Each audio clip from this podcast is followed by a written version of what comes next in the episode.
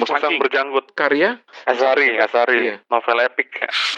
Samber Nyawa, kisah perjuangan seorang pahlawan nasional Indonesia eh, yang Leo Tolstoy. Waduh, lewat Tolstoy lagi. Aduh, Bakal dibaca nggak ya? Bakal dibaca nggak ya? tuh kan, tuh kan kampret kan, kampret kan. Ini gara-gara Steven juga nih mempromosikan buku penerbit kakak tua. Ini nggak ada endorsement dari penerbit kakak tua ya, nggak ada ya. Tolong banget gue minta tolong. Tolong deh ada cicilan 0% 12 bulan. Iya. Beli handphone aja ada cicilan, masa buku nggak ada. toko buku belum ada, toko buku belum ada eh, cicilan. Gimana kita mau maju kita? Eh, kalah sama Malaysia.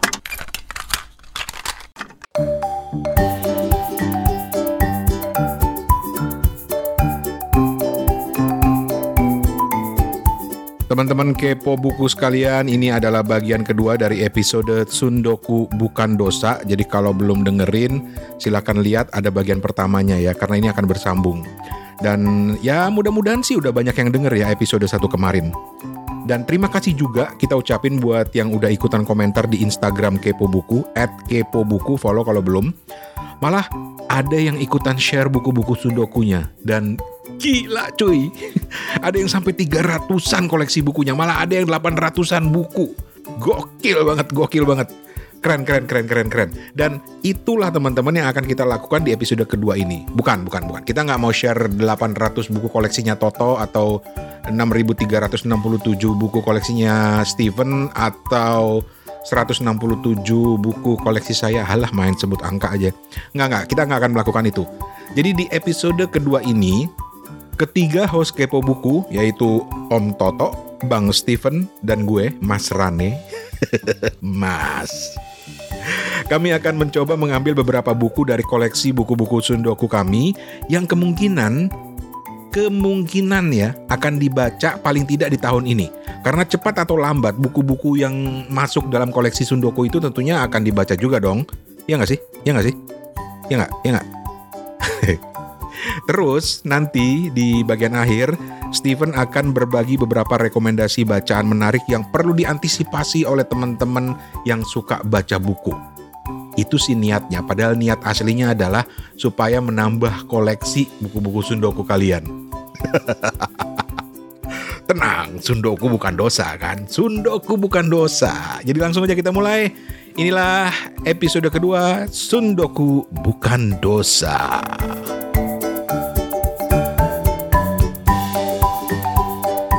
Sekarang kita masuk ke segmen kedua dari Kepo Buku edisi Sundoku bukanlah dosa. Atau tadi bahasa Jepangnya apa? Sundoku wa Sumidewa Arimasek. Oh. Sekarang gue mau nantang lu berdua dan juga pastinya gue lah untuk ngebuka koleksi buku-buku Sundoku lu. Buku-buku yang lu beli belum pernah dibaca, tapi kemungkinan besar akan lu baca atau lu niatkan baca di tahun 2002 ini. Eh, Nggak usah 679 ya, Tok. Kayak koleksi lu ya, Tok. 679. Tapi kira-kira yang kayaknya nih dari semua koleksi-koleksi buku Sundoku gua ini ini ini yang pengen gua baca gitu loh. Udah nggak usah ngeluh gitu toh. Van gimana Van? Kalau lu Van? Kalau aku nih mungkin buku yang bakal dibaca nggak ya? Bakal dibaca nggak ya? Hmm. Ini ada satu judul Samber Nyawa, kisah perjuangan seorang pahlawan nasional Indonesia, Pangeran Mangku Negara 1, 1726 1795. Penulisnya Merle Calvin Rickleff, penerbit buku Kompas. Tar dulu. Van itu 300 ribu Van harganya Van. Iya makanya. Dan Tebel banget ya, Van? ya? cukup tebal 500 lebih halaman, tapi Wah. buku ini terlalu menantang gitu ya. Sampai-sampai belum bisa kebaca gitu. Terus kenapa lu beli? Karena waktu itu terpesona sama rubrik review buku di Jawa Pos. Mm-mm. Presensinya tuh melukiskan buku ini tuh dengan apik gitu ya. Jadi apa salahnya lah kita punya satu koleksi dari seorang juga sejarawan handal Asia Tenggara, Mhm. Merle Rickleff, yang merupakan juga karya terakhir beliau, teman-teman Mhm. kepo buku. Ini pokoknya profesor sejarah gitu ya. Ini seorang Indonesianis lah ya. Oh memang spesialisasi dia sejarah Jawa ya. Iya, salah satu sumber diakui untuk penelitian-penelitian ilmiah dari Oke. Kerajaan Mataram. Jadi dalam tahun 2022 ini kira-kira bisa selesai dong. Ya, memang me- menurut minat sejarahnya tuh ada cuma apakah selesai itu butuh apa ya? Butuh mungkin butuh buku-buku yang bisa menjadi loncatan dulu. Oke. Iya. Keren. Ada buku lain? Buku lain mungkin yang lebih bisa Hmm. lebih easy lah ya. Bomber Mafia ini buku terbarunya Malcolm Gladwell yang terbaru udah ada terjemahannya teman-teman. Eh serius? Iya. Udah ada? Oh. Ini kalau misalnya kita udah nonton itu ya Perang Dunia 2 yang udah diwarnain Mhm. dan ditampilin di Netflix sebagai dokumenter yang cukup keren. Nah, ini bakal jadi apa ya? Pendamping yang menyenangkan gitu ya. Pengalaman yang bagus juga kalau kita tahu kisah-kisahnya gitu. Perang Hmm. pakai pesawat. Oke. The Bomber Mafia, kalau judul bahasa Inggrisnya tuh A Dream, A Temptation, and the Longest Night of the Second World War. Gile, Malcolm Gladwell tuh bisa aja ya dia nulis segala macam topik ya. Hmm. Dia tuh apa Iya. sih sebenarnya eh, backgroundnya? Apa ya? Malcolm Gladwell itu eh, wartawan. Wartawan ya? Oke. Ya wajar ya kalau wartawan ya karena dia bisa mendalami berbagai macam topik ya. Ah, ah, ah, ah. Ingat nggak- ingat ingat ingat gak sih wartawan-wartawan Tempo zaman dulu tuh yang tiba-tiba ya kayak Pak Bondan lah.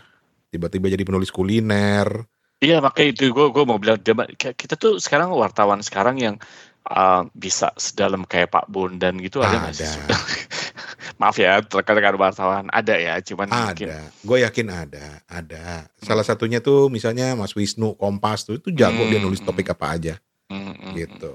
Maksud gue sampai jadi buku kayak Pak Bondan gitu maksud gue. Tapi ya Dan dan ini ya, dan bestseller pula dan ya. bestseller gitu dan dan dan Wah. coba lu kalau misalnya ngomong Pak Bondan Hmm. gitu ya jadi melenceng ke Pak Bondan gitu kan dia ngarang banyak gitu Um, misalnya Hmm. kayak salah satunya Kiat gitu sampai Kiat berapa dan dia kan maksud gue dia apa backgroundnya bisnis apa enggak anyway tapi dia kan bukan bukan orang yang tiap hari berkecimpung di dalam kayak misalnya bukan kayak Pak Renald gitu. Wah, Pak Renald Kasali misalnya ngarang buku tentang manajemen, ngarang buku ya wajar kan dia ke- berkecimpung di tiap harinya kayak gitu gitu kan.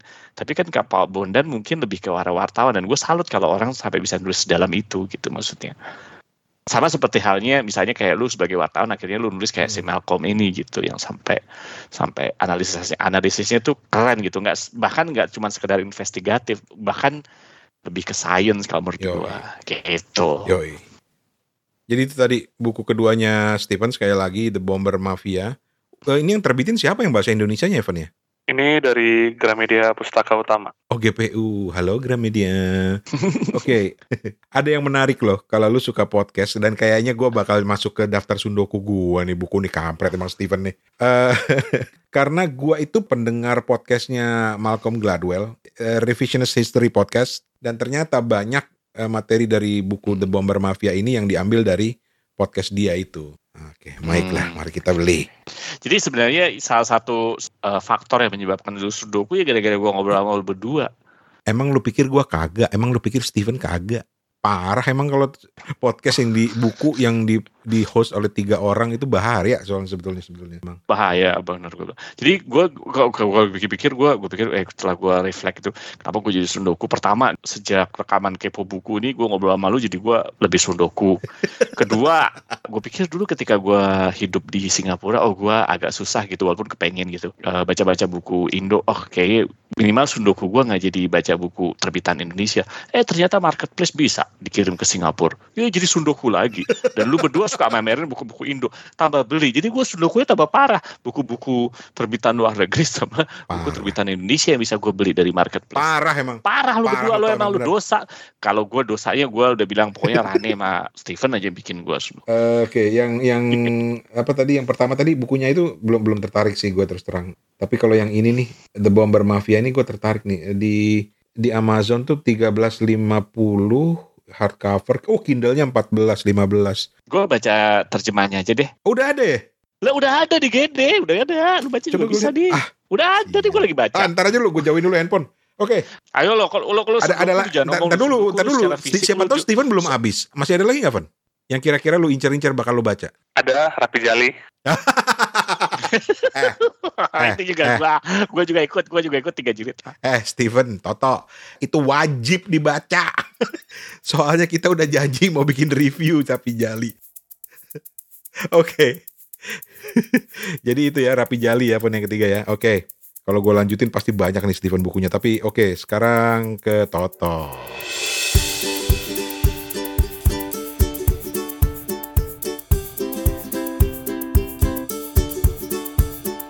Aduh, buku sundoku gua kan gue udah bilang. Nggak ada alasan, Ya, pokoknya termasuk harus yang kira-kira lu bakal baca di 2022. Sampai habis lah ya, sampai habis. Sampai habis lah, cover to cover. Ya, cover to cover yang jelas gue akan memaksa diri gue membaca ini gara-gara Steven juga nih mempromosikan buku penerbit kakak tua ini nggak ada endorsean Hmm. dari penerbit kakak tua ya nggak ada ya cuman karena uh, buku-bukunya menarik dan gue waktu itu sempat beli dan kita udah eh kita belum terbitin ya. Kita udah Belum, terbitin belum, sih yang belum, belum, belum. cerita belum, belum. rakyat belum ya. Nah ini gue beli buku kumpulan cerita rakyat Cina rakyat Korea kemudian ada Hmm. Kerasakti nah ini nih ada satu dua tiga empat lima enam. Nah yang pertama uh, kumpulan cerita rakyat Korea ini bakal gue baca. Nggak tebel-tebel amat. Fabel-fabel India Panca Tantra. Ini pengarangnya apa? Siapa ya Panca Tantra? Gue plastiknya pun Hmm. belum gue buka. Panca Tantra adalah kumpulan fabel yang telah ada sejak zaman 3 sebelum masehi ditulis pertama kali dalam bahasa Sanskerta. Hmm. nah ini bakal gue baca. Fabel-fabel India. Itu kedua. Kemudian ada buku cerita perempuan dari pengarang perempuan Amerika. Keren nih. Ada Charlotte Perkins Gilman ada Edith Wharton dan sebagainya. Sampai ke Willa. Hmm. Caters ya bacanya. Oke. Kemudian kumpulan cerita rakyat Cina. Kemudian ada Fyodor Dostoevsky. Serius? Dostoevsky. Tar dulu, gue berhenti dulu, gue gue stop lu di situ. Ini dari semua kisah-kisah rakyat, dongeng, fabel, tiba-tiba nyelip Fyodor Dostoyevsky. Ah, ya nggak tahu. Gue tinggal. Pokoknya waktu itu ada. Gue langsung beli. Kan gue bilang tadi. Gue kan sundoku plus FOMO daripada gue ntar dapat susah lagi. Karena di marketplace tuh ya kadang-kadang buku kakak tuanya kadang-kadang suka kehabisan gitu sold out. Lah kok sold out gitu gue nggak dibeli. Serius lu kakak tua nerbitin terjemahannya Dostoyevsky? Ada Yang mana, yang mana, yang mana? kembar tuh. The Double. The Double, The Double, The Double diterjemahkan menjadi kembar. Mm-mm. Lu kenapa beli Dostoyevsky? Itu tadi uh, Sundoku plus FOMO. Jadi gue, jadi ntar bakal gue baca. Kan gue udah janji, gue akan memulai fiksi. Ya, jadi gue mulai. Yang terakhir adalah Kerasakti. Selingan perjalanan ke barat. Ini cerita novel pendek yang ditulis sekitar tahun 1640 yang sebenarnya dimaksudkan sebagai bab tambahan yang disisipkan antara bab 61 dan 62 pada kisah perjalanan ke barat. Oke, gue baca. Semuanya penerbit kakak tua. Sama Rapi Jali tiga jilid. Rapi jalinya duluan ya. Rapi Jalinya boleh duluan. Sama yang mau gue eh, kemarin tuh udah sempat baca sampai eh, sebenarnya ini bukan sundoku, tapi gue udah baca sampai separuh dan gue baru sadar, oh Hitler itu ternyata artis semin, seniman ya dari awalnya ya. Oh, bisa Oh jadi yang komik gitu. ya. Iya, yang eh, Hitler eh, pengarangnya Oke. yang Shigeru Mizukis. Nggak, gue masih masih bingung soal Dostoyevsky tadi itu. Nah, itu dah. Kenapa lu nggak beli Crime and Punishment? Eh, belum belum diterjemahin kali ya. Lo udah pernah baca itu sampai habis? Crime and Punishment itu dulu bagian dari buku yang direkomendasikan oleh dosen gue sehingga gue membacanya dengan terpaksa. Tapi tapi bagus kok, gue suka. Emang mata mata kuliah apa itu? Sosiologi, eh kok si sosiologi, Eh, psikologi Psikologi, oke. dan banyak buku-buku Hmm. yang gue baca dengan terpaksa dulu gitu ya. Buku klasik yang gue baca dengan terpaksa, Buku klasik. tapi akhirnya gue pengen membacanya kembali dengan eh, sukarela gitu. Termasuk 1984 itu kan juga termasuk dulu terpaksa banget itu Berbeda. kayaknya semuanya tren gitu. 1984 termasuk terpaksa. terpaksa dulu awalnya gue baca karena semua orang wah kayaknya keren banget gitu jadi penasaran gue harus gue FOMO dong gue FOMO gitu loh FOMO dong, lu FOMO Iya, juga. jangan sampai nanti begitu mereka teman-teman ngumpul pada ngomongin wah ini 1984 George Orwell tuh begini begini begini begini gue diem gitu kan nggak lucu Terus kayak, hah, hah, hah, heh, gitu. Jangan ya, Iya, jangan gitu. mereka mereka mengacu ke George Orwell gue lagi-lagi need Blyton lagi need Blyton lagi gitu kan lima sekawan lagi, lima sekawan lagi. Oh. Oke. Jadi itu daftar buku eh, Toto yang bener-bener keren. Bener-bener gila ya. Keren- Bukan gila sih, keren toh, keren toh. Mana Karena ya? karena ya dia di alasan dia untuk eh, Bentar, bentar. Gue panik. Gue panik. kenapa? Rapi jeli gue yang volume pertama gue taruh mana ya? Mampus. Gua nggak ikutan. Ketinggalan di tukang Enggak. Ada kok. ketinggalan di Ada tukang tukang ini tukang tukang nasi ayam. Ah, nasi ayam. Van, lu ada pertanyaan gak? Aku bukan mau nanya tapi mau ada satu buku nih yang aku pegang nih. Mas Toto mungkin Hah? Bisa check out di kesempatan berikutnya ya. Rasain lu toh. Kan, kampret kan, kampret. Rasain lu toh. cari ini uh, yang Leo Tolstoy. Waduh, Leo Tolstoy lagi. Aduh. Aduh, kakak tua juga ya. Kakak tua juga. Judulnya tuh berapa luas tanah yang dibutuhkan seorang manusia. Leo Tolstoy. Tambah kacau. Eh, kayaknya kita perlu deh kapan-kapan kita ngundang teman-teman dari kakak tua ini. Selamat malam kalau lagi dengerin. Mm-mm, Ayo dong kapan-kapan ke kepo buku gitu loh. Karena eh, kepo buku tuh juga sangat mendukung penerbit-penerbit eh, baru, penerbit-penerbit kecil yang bukan mainstream gitu ya. Mm-mm. Eh, kita seneng banget gitu loh. Karena kadang-kadang koleksi bukunya tuh keren-keren gitu loh. Iya, kayak gini-gini tuh menurut gue keren. Eh, barusan tadi gue ke toko buku juga ada yang eh, dia Penguin Southeast Asia, dia nerbitin buku judulnya Nusantara. Itu isinya adalah fabel-fabel Nusantara dan ada beberapa cerita Hmm. Indonesia di situ kayak bawang merah, bawang putih gitu. Nah, gue berharap banyak juga tuh penerbit-penerbit Indo yang menerbitkan kisah-kisah rakyat Indonesia sebenarnya tuh. Betul sekali. Oke, itu dia tadi bukunya Toto luar biasa. Ke mana ya? Tepuk tangan dulu. Kok gue nemu? Sementara Kok itu dia masih nyari rapi jalinya yang hilang. Tapi jali volume gue pertama yang mana ya? Sekarang sekarang gue tanya, sekarang gue tanya lu terakhir makan di mana tadi di bawah blok Belum. atau di hawker center atau di mall, di Tanglin Mall mungkin atau di Lucky Plaza. Coba lu inget-inget siapa tahu ketinggalan. Iya betul juga ya. Dan kalau ketinggalan, selamat berbahagia gitu loh karena di. Singapura banyak orang Indonesia dijamin dijamin hilang tuh buku. Wah ada buku Indonesia nih, Iya. lumayan nih gitu. Itu gue beres-beresin jadi malah hilang. Tuh gue paling sebel deh kalau gue suka beres-beresin malah hilang. Biasanya berantakan gue tuh malah lebih terstruktur. Berantakan terstruktur.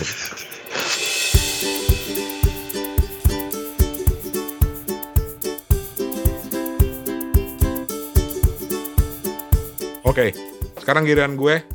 Hmm. Eh, gue mau sharing tiga buku aja lah yang eh, masuk dalam daftar sundoku gue. Tapi gue eh, udah letakin di, di pinggir tempat tidur gitu. Karena gue tuh kalau terbangun tengah malam nggak bisa tidur, gue pasti ngambil buku gitu, dibaca sampai ngantuk gitu. Bukannya makan Gila lu makan lu. Gue kan lagi diet toh. mentong mentong kalau kata mertua gue. Oke. Buku pertama ini, ini gua beli dari tahun lalu gara-gara gua taunya dari Mbak Lela sama Steven. Emang parah, emang Steven nih beneran nih parah nih Steven nih. Kalau bukannya Mbak Lela yang lu bilang parah. Nggak berani loh lu gila. Ini bukunya si Darta Mukherjee, udah ada yang bisa nebak dong. Itu Steven aja nebak deh. Kanker atau gen ya? Kanker. Kanker ya. Judulnya Emperor of All Maladies, A Biography of Cancer. Hmm. ini gara-gara di sempat dibahas sama Mbak Lela, Steven juga sempat nyinggung di episode berapa gue lupa. Akhirnya gue coba bongkar-bongkar, akhirnya gue coba lihat di Kindle karena gue tuh lebih suka baca review-review di Kindle gitu ya. Mm-mm. Dan begitu lagi baca review, eh kepencet beli deh. Ngomong-ngomong ya ngomong-ngomong tadi gue mau bilang kita kita tuh kan sundoku gue cuman lagi lihat buku fisik ya lu nggak pernah ngitungin sundoku lu yang dalam bentuk digital ya Gue belum berani ngeliat lagi di koleksi di Kindle gue gimana tuh nasibnya. Ya Allah masih banyak. Ada beberapa novel juga udah gue beli. Oke lah. tapi kalau di Kindle Hmm. nggak asik ya nggak kelihatan sundokunya gitu Iya. Kalau mau pamer sundokunya masa iya gue tumpukin handphone itu kan nggak mungkin juga. satu buku satu handphone Nggak sombong lucu. banget. Iya walaupun banyak itu kita scroll scroll ke atas ke bawah kan tetap nggak kerasa ya eh, nggak sih eh, eh, eh, ingat kutipannya Umberto Eco. apa tuh Lu jangan sampai jadi bagian yang pertama yang lebih melihat buku itu sebagai untuk menonjolkan ego gitu enggak toh. Oh enggak, gue coba suka lihat aja. Gue tuh justru kadang-kadang kalau misalnya lagi pas pengen baca buku tuh gue seneng berada di tumpukan buku gitu. Kayak gue Hmm, semangat gitu, mencari-nyari buku yang apa Bersemangat gue baca. Oh, oh, gitu. Oke. Oke, itu yang pertama. Aja. Iya iya aja gua mah. Iya iya aja lu mah orang sama-sama kita penyakitnya. Jadi itu buku pertama The Emperor of All Maladies uh, A Biography of Cancer ini dari tahun 2011 Siddhartha Mukherjee. Oh my lady. Terus buku kedua ini eh ini baru gue temuin di waktu ada acaranya Pacar Merah. Pacarnya. Oh ya waktu itu. Nah, dan gue suka banget ini karena udah lama diceritain sama temen gue. Kalau lo masih inget si Hikmat yang gila komik itu. Nah ini gue beli buku kumpulan tulisannya Mas Seno Gumira Aji Dharma ngobrolin komik terbitan dari pabrik tulisan. ini yang waktu itu pernah lu bilang itu kan ya kalau nggak salah ya. Itu apa tuh ngulas-ngulas komik Indo gitu ya? Yoi, yoi, yoi. Dan tuh oh. Terus udah lu baca belum? Belum belum mulai belum mulai. Dan gue seneng karena banyak banyak banyak koleksi koleksi koleksi koleksi komik komik lama yang dibahas Hmm, di situ gitu. Terus judul-judulnya aja misalnya nih ya Paman Gober. Paman Gober. dua hal tentang Paman Gober. Menurut Paman Gober serakah itu halal dan Paman Gober dan kapitalisme. Wah. ada lagi judul yang yang yang yang gue suka banget. Karena ini tulisan-tulisan lepas jadi bisa gue baca satu tulisan satu artikel Hmm, gitu. atau misalnya tentang R.A. Kosasi gitu atau tentang eh, manga tentang Tintin wah pokoknya ini ini Ntar lu, j- ntar lu jadi gara-gara beli buku ini jadi lu beli komik ya lagi. wah iya lu wah lu gitu lu tok Kayak misalnya ada ada buku kan yang uh, itu yang yang kayak kita mau bikin proyek misalnya 30 buku gitu. Terus banyak banget kan di Mhm. dunia ada 30 buku sebelum umur Mhm. 30, 40 buku sebelum umur 40. Gue ngeri loh sebenarnya baca. beli itu. Ntar lama-lama beli lagi ya Oh, oh jadi beli kita. wah keren lo ada taguan dan keindonesiaan terus ada Teguh Santosa Mhm. ada ngebahas soal Wiro Sableng ada membahas soal sepak bola dalam hibri- hibrida komik gua harus baca ini Ini RA Kosasi kan kemarin aku lihat kayak talk show Mas Apardi sama Seno di di acara Mocose Jogja Hmm. gitu Hmm. kan. Hmm. Jadi salah satu yang bikin cinta pertama ke buku oleh Mas Seno tuh ini gara-gara baca komik-komiknya RA Kosasi gitu, Mahabharata. yo eh Ya emang dulu keren Oh, tuh dulu gue punya bukunya R.A. Kosasi yang? Mahabharata tuh ke mana dulu ya? Masih dicondet pasti tuh buku. gue era kaosasi gue lumayan lengkap sih tapi nggak tahu di mana juga itu ya Jadi waktu Sayang. zaman Bahola itu ini kayak buku wajib di rumah kali ya, gitu ya. Eh, sebelum gue jawab itu please please zaman bahala itu zamannya Toto kalau gue masih Eh. zaman kekinian zaman Kiwari oke kalau kalau buat gue dulu zaman zaman gue dulu eh bahala Jabat bahela. buku-bukunya era kosasi itu wajib kadang-kadang suka update-updatean sama temen-temen cerita, "Uh, lu udah baca belum era kosasi yang ini?" Itu kadang-kadang gue nggak mau, gue nggak mau ini juga, gue FOMO juga gitu. Hmm. eh terus Petruk Gareng itu buat selingan. Itu kan kan bukan R.A. Kosasi, emang R.A. Kosasi juga. Enggak, enggak maksudnya selain buku Oh. komik-komiknya era, era Kosasi ada komik-komik Petruk Gareng. Itu itu dia lebih lebih current gitu. Eh, itu lucu itu dan buat selingan-selingan aja. Jadi yang yang yang seriusnya era Kosasi gitu. Eh, terus eh, sempat juga diempanin sama emak gua komik-komik surga neraka yang bikin gua nggak bisa tidur gitu kan. Iya zaman dulu tuh gini banget ya. Gila, Padahal kalau gambaran orang masuk neraka ditusuk sana sini. Aduh, Udah gitu kan Ya Allah. agak-agak pornografi sebenarnya. emang emang agak-agak pornografi beneran. Niatnya memberikan edukasi agama, tapi kenapa gambarnya begitu ya? itu dia. Tapi itu adalah bagian dari sejarah yang tidak boleh Oh, kita iya, lupakan. iya, iya, iya, betul, betul, betul. Kalau R.A. Kosasi itu justru gue bukan wajib gara-gara temen gue kan. Hmm. Buku itu ada karena bokap nyokap gue sama eyang gue dulu. Oh baca era kosasi. Mm-mm, gitu. Jadi gue kenal, oh kan teman-teman gue mah kalau zaman dulu ya gue kelasnya itu ya kelas yang lu bilang tadi Petruk Gareng, Surga Neraka gitu. Pengarangnya yang nggak jelas, yang komiknya tipis-tipis ya nggak sih? Tapi kalau era Kosasi Mahabharata mah itu gara-gara nyokap bokap gue. Asik. Tapi sayang tuh coba tanya gue kalau kecondet masih ada nggak tuh buku dia? Keren banget. keren banget, keren banget, keren banget. Alhamdulillah nemu juga rapi jali yang pertama. Di mana di WC? Di WC. Selip di sini. Iya iya iya. Gue kirain masuk mesin cuci. Oke.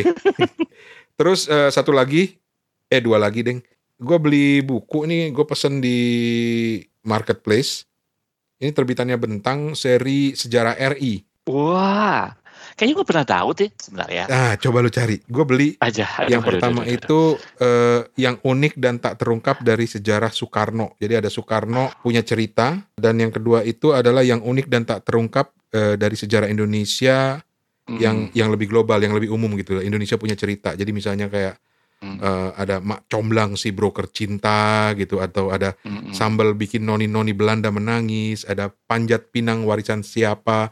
Gue suka nih sejarah-sejarah singkat kayak begini nih gue suka banget. Ah sejarah sih. Sisi lain dari sejarah, Oh oke oke. kayak micro history gitu loh. Oke oke oke. Gue suka, gue suka. Jadi ini juga masuk di sebelah tempat tidur gue. Dan satu lagi kalau ini gue merasa ingin memaksakan diri baca karena gue pernah baca versi bahasa Inggrisnya Hmm. lagi-lagi karena terpaksa. Tapi gue merasa ingin baca juga kembali eh, How to Lie with Statistics Daryl Huff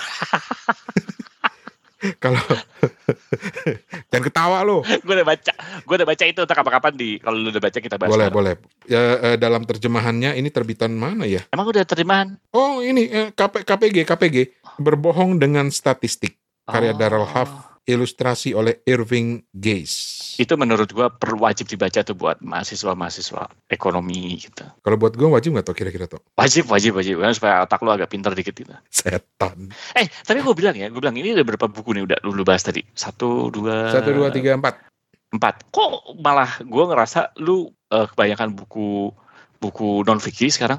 Karena mungkin fiksi jadi bukan sundoku lu ya. kalau fiksi itu hiburan sih sebenarnya buat gue Jadi lu malah cepet kelar gitu kan. Iya, gua gua sekarang lagi lagi setelah baca Rapi Jali, gue lagi nyari lagi buku fiksi apa yang gue mau baca ya. Nah, ternyata ya Kay- kayaknya kayaknya kayaknya gue mau baca itu Fen, Fen yang buku eh eh, eh, eh, musang apa Fen? Fen? Musang Musang King. berjanggut. Musang berjanggut. Lupa gue. Kura-kura berjanggut ya. Kura-kura Kura-kura berjanggut kok musang berjanggut loh. Asari Ayub. Asari Ayub, bener bener. Musang berjanggut emang ada tapi kayaknya beda. Iya. Karena ini kan tebalnya minta ampun kan ini kura-kura berjanggut ini kan Fen ya. Iya. itu, itu tentang apa? Tentang apa? Apa ya? eh eh, eh, Cerita rakyat gitu. Apa sih? Bukan. Nah ini nih. Kerajaan Aceh juga. Ya karena gue belum baca, jadi gue belum. Diketawain sama Steven. Lu kurang aja tuh Iya. kan ngetawain bapak-bapak. Enggak maksudnya Kura-kura. sulit banget ya kita untuk jelasin se menarik apa nih novel epic ini gitu. Hmm. Susah, susah. Kura-kura berjanggut ini susah. Udah nanti nanyanya kalau udah baca aja ah. Rewet. Enggak, maksud gue ini buku lama apa buku baru, cerita klasik diterbitkan lagi bagaimana maksudnya? Nih nih, nih gue bacain gue bacain halaman belakangnya aja ya. Bacain semua dong. Lu gila lu ini audiobook apa kayak buku? Lu tahu gak sih berapa halaman itu? Gila harganya aja 240-an ribu. Eh, sebagai penggemar buku jangan jangan ngomongin harga dong. Ah, malu dong. Ah, Oh iya, jangan ngomongin harga ya. Tapi cicilan tetap prioritas ya. Cicilan, cicilan 0%. lu, lu, lu, eh gue saranin ya, gue saranin ya kalau lu buka toko buku, tolong ya, tolong banget kalau lu buka toko buku ya. Tolong banget gue minta tolong. Apa? Tolong deh ada cicilan 0% 12 bulan. iya. Beli handphone aja ada cicilan, masa buku nggak ada. Kelewatan. Gimana kita mau maju kita eh, kalah sama Malaysia. Keren loh itu ide itu ide, ide keren sebetulnya loh. ya makanya gue minta tolong banget lu kalau punya toko buku Ide tolong itu keren. diadakan. Oke, kura-kura berjanggut gue bacain dulu ya nih ya. Ya. Eh, Kura-kura berjanggut menyerap kita ke dalam petualangan-petualangan menakjubkan yang melibatkan pertempuran di laut, muslihat antara para pengkhianat, adu gajah sampai mati, nakoda zilan gila, ulat merica, agama yang memuja kerang yang lebih tua ketimbang alam semesta, wangsa pemburu Tuhan, penyelewengan perasaan penderita kusta, para pembunuh yang menumpang hidup di negatif foto, pertarungan burung tium panelip panelip apa nih? pencicip makanan raja melawan koki asal Lombardia dan Sufi Hamzah Fansuri yang diperebutkan tarekat burung pingat pingai dan pertapa 33 tasbih sekaligus ditakuti anak haram lamuri. Pusing nggak lo? Ah iya sih. Tapi gue tergoda untuk baca.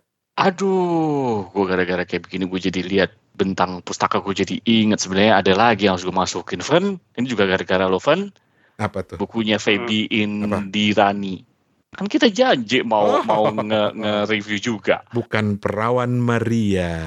Aduh. Kak Feby sudah sebenarnya sudah bersedia Oh loh. iya dia juga harus deh tuh. Cuma memang harus kita baca dulu daripada nanti kita tampak bego gitu. Sok nge-review tapi belum baca. Iya betul. Mantap. Oke, itu dia.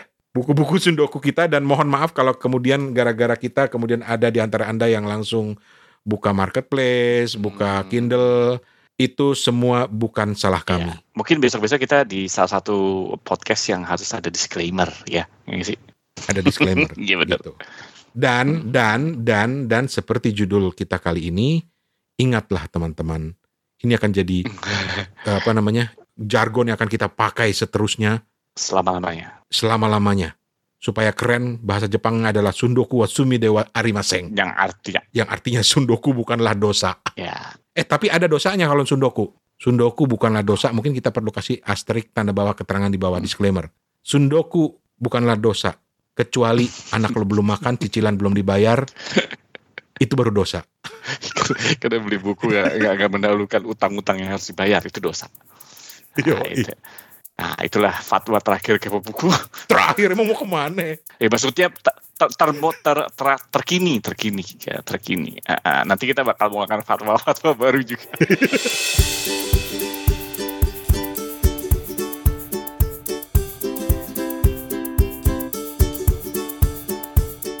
Dan teman-teman, sebelum kita pamit, ini ada ada rekomendasi dari dari eh, juragan buku kita nih. Dia katanya mau sharing beberapa buku yang kayaknya patut juga deh masuk ke dalam daftar Sundoku lu pada. Iya, kok, kok bisa ini ya cocok banget ya sama episode ini ya. Makanya, Padahal nggak nggak di ini direncanain loh. makanya. Kalau lu dihujat oleh seluruh pendengar kepo buku, gue nggak ikutan. Ayo silakan. Apa rekomendasi Iya, lu? Terima kasih kerabat-kerabat podcastku. Ini update kepo buku. Yang pertama, majalah Tempo di edisi 15 Januari 2022 menurunkan edisi liputan khusus Toko Seni 2021 dengan hasil sebagai berikut. Hmm. Untuk kategori prosa, novel lebih senyap Hmm. dari bisikan milik Andina Dwi Fatma menjadi buku sastra pilihan Tempo kategori prosa. Untuk kategori puisi ada Tuhan Padi, penulisnya Kiki Sulistyo. Ada juga empat buku sastra 2021 yang direkomendasikan untuk dibaca nih. Untuk kategori prosanya ada Anwar Tohari, Mencari Mati, dan Bedil Penebusan, kumpulan cerpen dari Kiki Sulistyo. Untuk puisi ada Panduan Sehari-hari Kaum Introvert dan Mager. Ditulisnya seperti gini nih. Meski tidak seradikal puisi Beling pada masa sebelumnya, puisi-puisi dalam buku ini menunjukkan minat besar penyairnya pada banyak hal, di samping penguasaan bahasa yang terlihat kokoh dan terasa renyah. Ada tuh di GD, silakan di browsing ya. Yang terakhir ada Lida Orang Suci, Ahda Imran dari Teroka Press.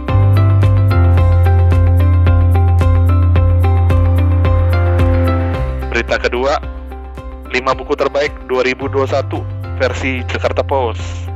Ada Sumur Eka Kurniawan, ada cerita-cerita Jakarta, ada Troco, ada Klub dalam Swalayan, ini fiksi psikologi thriller nih, milik Abi Ardianda. Yang terakhir ada Yang Terlupakan dan Dilupakan, membaca kembali 10 penulis perempuan Indonesia ditulis oleh Giovanni Desi Austri Ningrum, Isyana Artarini, Ren Kudori, dan lainnya.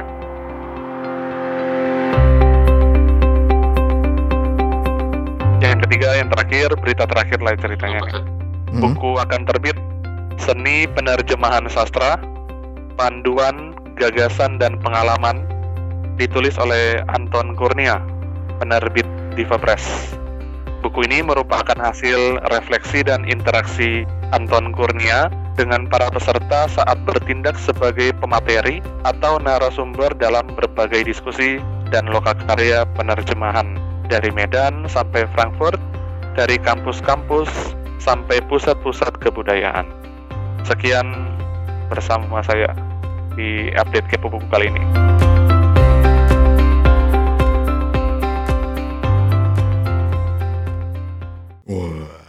Buat menambahi penderitaan teman-teman Sundoku, gue baru ada, gue punya bu- dua buku tentang menulis. Yang yang satu itu Putut EA menjadi Hmm. penulis. Menjadi penulis itu tidak sulit tapi rumit. Itu Putut EA. Terus satu lagi Creative Writing AS Laksana, penerbitnya Banana. Dan yang juga gue pengen baca adalah kumpulan cerpen dari Alfian di Pahatang dengan judul Pundak Kanan. Pundak kanan. Pokoknya episode ini adalah episode yang temanya melulu adalah soal Sundoku dan selamat pusing. Kasian banget. Gue nggak ngerti deh gimana deh ceritanya nanti.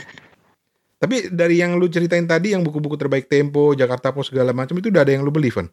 Udah aku beli dan udah aku baca juga. Gokil. dan udah ada yang masuk Semua? di buku. Semua dibaca udah. Eh, enggak, kalau yang Jakarta Post nih semua udah udah masuk di toko buku juga. Lu makannya apa sih, Ven? Buku. Hmm, Nasi kuning itu dessert aja gitu snack. Buset deh Steven dibaca semua udah ya. eh tapi gimana kabarnya eh Satria Buku Ambon?